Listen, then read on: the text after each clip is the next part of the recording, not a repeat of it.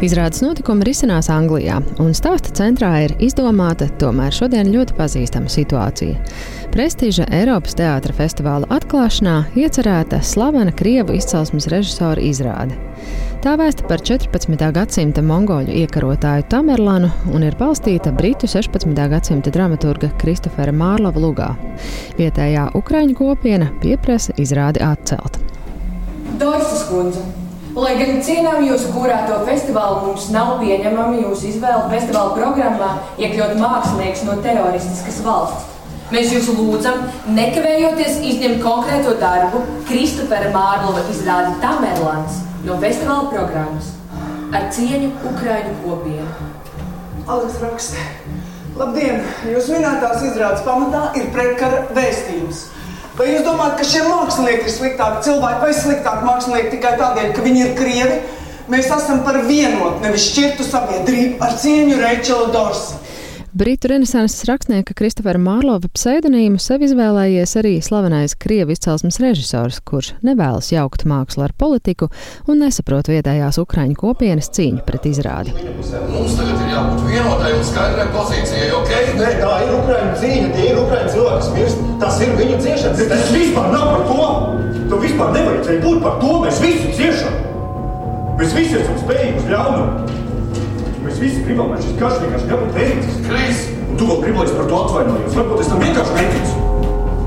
Nu, man šis darbs ir par jaunu cilvēku izvēlēm ļoti sarežģītā laikmetā, kur ir ļoti viegli pieņemt nepareizus lēmumus. Jo šķiet, ka gandrīz visi lēmumi kaut kādā veidā ir nepareizi, kaut kas jāupurē. Tā par izrādi sāka režisors Matīs Skaža, kurš pats arī piedāvājis teātrim šo tēmu un kopā ar Elzu Mārtu Rūžu veidojis izrādes dramaturģiju. Te mēs esam paņēmuši ļoti aktuālu kontekstu, proti, ko šobrīd darīt ar Krievijas izcelsmes māksliniekiem, vai viņiem dot platformu, vai nedot platformu, vai tas ir atkarīgs no konteksta, proti, no tā, ko viņi vēlas taisīt, kāda veida mākslu. Un visinteresantākais man šķiet paskatīties no rietuma Eiropas perspektīvas, jo mums ir šī postkoloniālā vēsture. Mēs diezgan dziļi saprotam nopietnību un nu, tās likmes šā brīža Ukraiņas karā, ja, bet es domāju, ka rietuma Eiropā tas konteksts ir apmēram tāds, kāds mums par Izraels un Palestīnas konfliktu, tāds salīdzinoši attālināts. Ja? Un man liekas, ka ir svarīgi arī palūkoties tajā, kāpēc, nu, piemēram, liela mēroga Eiropas fondi joprojām, neskatoties uz to, ko Serebrņiko kungs teica, ka nu, kinofestivālā pirms pāris gadiem joprojām piešķir viņam finansējumu. Ja? Viņš pieprasīja atcelt sankcijas konkrētam Krievijas oligarham. Ja? Un, nē, tā ir dosim viņam tāpat Eiropas Savienības naudu, jo viņš taču ir pret karu un viņš tagad dzīvo Eiropā, ja? Eiropas Savienībā. Nu, viss tas man šķita interesanti, kāpēc tas tā ir. Un, protams, arī uzdot šo jautājumu, kur tad parādās šīs robežas, kurā brīdī mēs drīkstam pielietot šīs kancelēšanas kultūras metodes, kurā brīdī tas ir pat nu, īstā un vajadzīgā izvēle. Skaidrs atbildes gan šī izrāde nedod, liekot skatītājiem iesties te viena, te otra spēlētāja dilemmās, likmēs un argumentos. Ik pa laikam atklājas ar vien jauni fakti, kas atkal maina spēles noteikumus un liek domāt par to, cik viegli mūsdienu informācijas gūzmā ir pieņemt arī aplams lēmumus. Jo bieži vien nu, tu vari tik viegli kļūdīties un pakļaut cilvēku nu, teiksim, virtuālajam mobbingam. Tas ir tik vienkārši mūsdienās. Ja? Un tad saprast, ah, bācis, es nezināju šo un to un to apstākļu, kas tam ir apakšā. Tāpēc pirms pieņemt tādus lēmumus, ka Nu, tur ir nepieciešama tomēr iedziļināšanās kontekstā. Es, es uzskatu, ka tik tiešām nu, ir jānostājas šādā kara kontekstā, jāpieņem ļoti skaidra pozīcija. Bet, nu, tas lēmums ir jāpieņem izvērtējot faktus, izvērtējot apstākļus, tik cik tas ir iespējams. Mēs esam sākuši mākslas darbus vērtēt nevis pēc būtības, bet pēc tā, ko mākslinieks ir rakstījis platformā X vai arī pēc viņa politiskās pārliecības, vai arī pēc tā, ko viņš pirms septiņiem gadiem ir darījis kaut kādā mājas ballītē. Veidojot viedokļu krustugunīs nonākušā krievu izcelsmes režisora Mārlova tēlu, aktieris Matīs Budovskis esot viegli atradis piemērus šodienas Rietuma Eiropas un arī Latvijas mākslas vidē.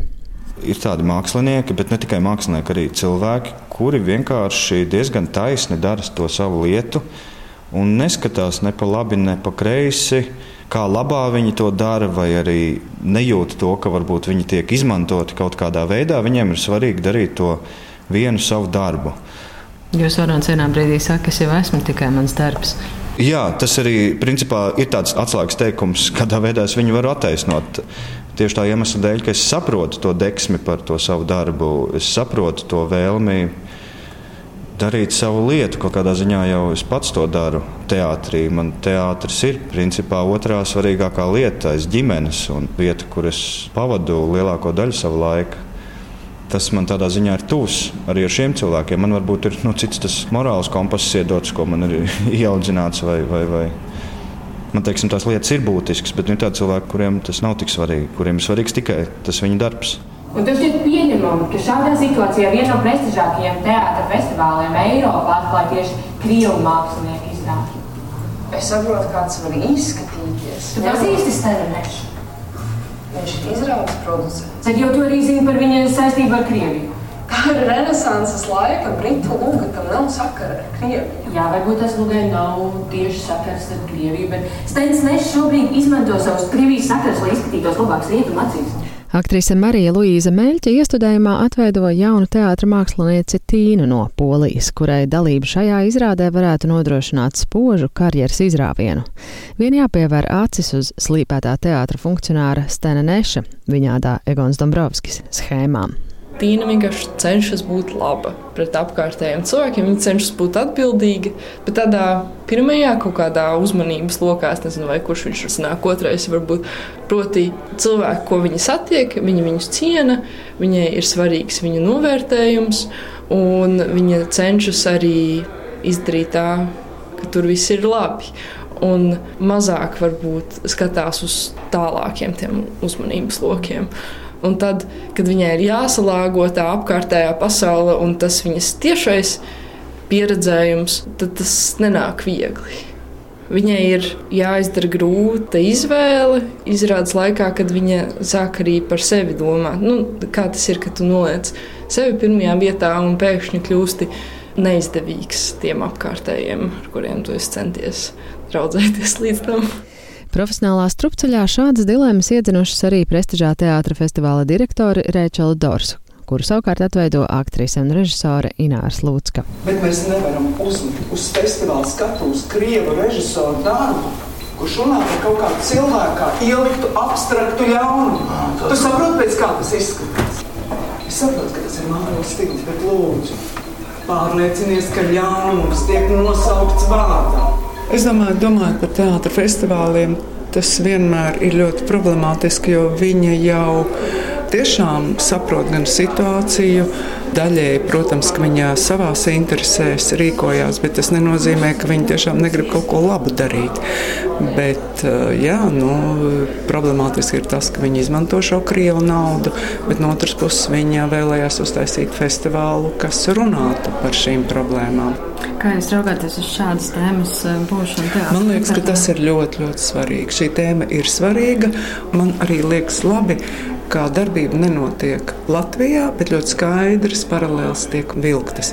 Un man patīk, ka šim darbam nav viennozīmīgas atbildes, ka tiek faktiski atstāti daudzi atrisinājumi, tā kā gali vaļā, un ka katrs var pārdomāt. Man tāds sajūta, ka cilvēki pēc tam paši var pieņemt savu risinājumu, kas tad bija labi, kas nebija, kā varēja būt. Un tas man liekas ļoti vērtīgi. Savā teātra režijas debijā Matīs Skaža daudz izmanto arī savu tuvo kino valodu un turpina savos viena kadra kino darbos, kino un mēs un ūdens garš redzēto teātra un kino satikšanos. Arī šajā izrādē viņa sabiedrotais ir meistarīgais operators Aleksandrs Grebņevs, kurš ar kameru rokās faktiski kļūst par vēl vienu aktieri. Ināra Lūcka, kur savulaik viena no pirmajām savās teātris izrādēs ienes kino elementus, kažas pieejamību vērtē atzinīgi. Man vispār pašai nevisai patīk vairs, ka man liekas, ka tā video izmantošana jau notiek visur ļoti bieži, un ka šeit tas nav. Jā ka šeit ir, viņš papildina tikai stāstu ļoti precīzi virzot narratīvu uz priekšu. Un arī tīri izjūtas ziņā paplašinot to ļoti jā, mazo jauno jā, zāli. mazā jaunā zāle, kas pēkšņi kļūst liela, kad tā kā sienas tiek aizbīdītas tālāk. Un tas ir laikam pirmo reizi. Un taču jaunā zālē parasti stabi traucē un redzamība un viss. Un tad pēkšņi viss tas tā netraucē. Mēs vairs nejūtam stabus un liekas, ka šī telpa ir puse no, no, no stāva tiek izmantota. Izrādē Maigā Vara Nacionālā teātra jaunajā zālē spēlē arī aktieri Kaspars Saniņš un teātra vidē jauni vārdi - topošie aktieri Rudolfs Sprukulis un Agate Marija Bukša.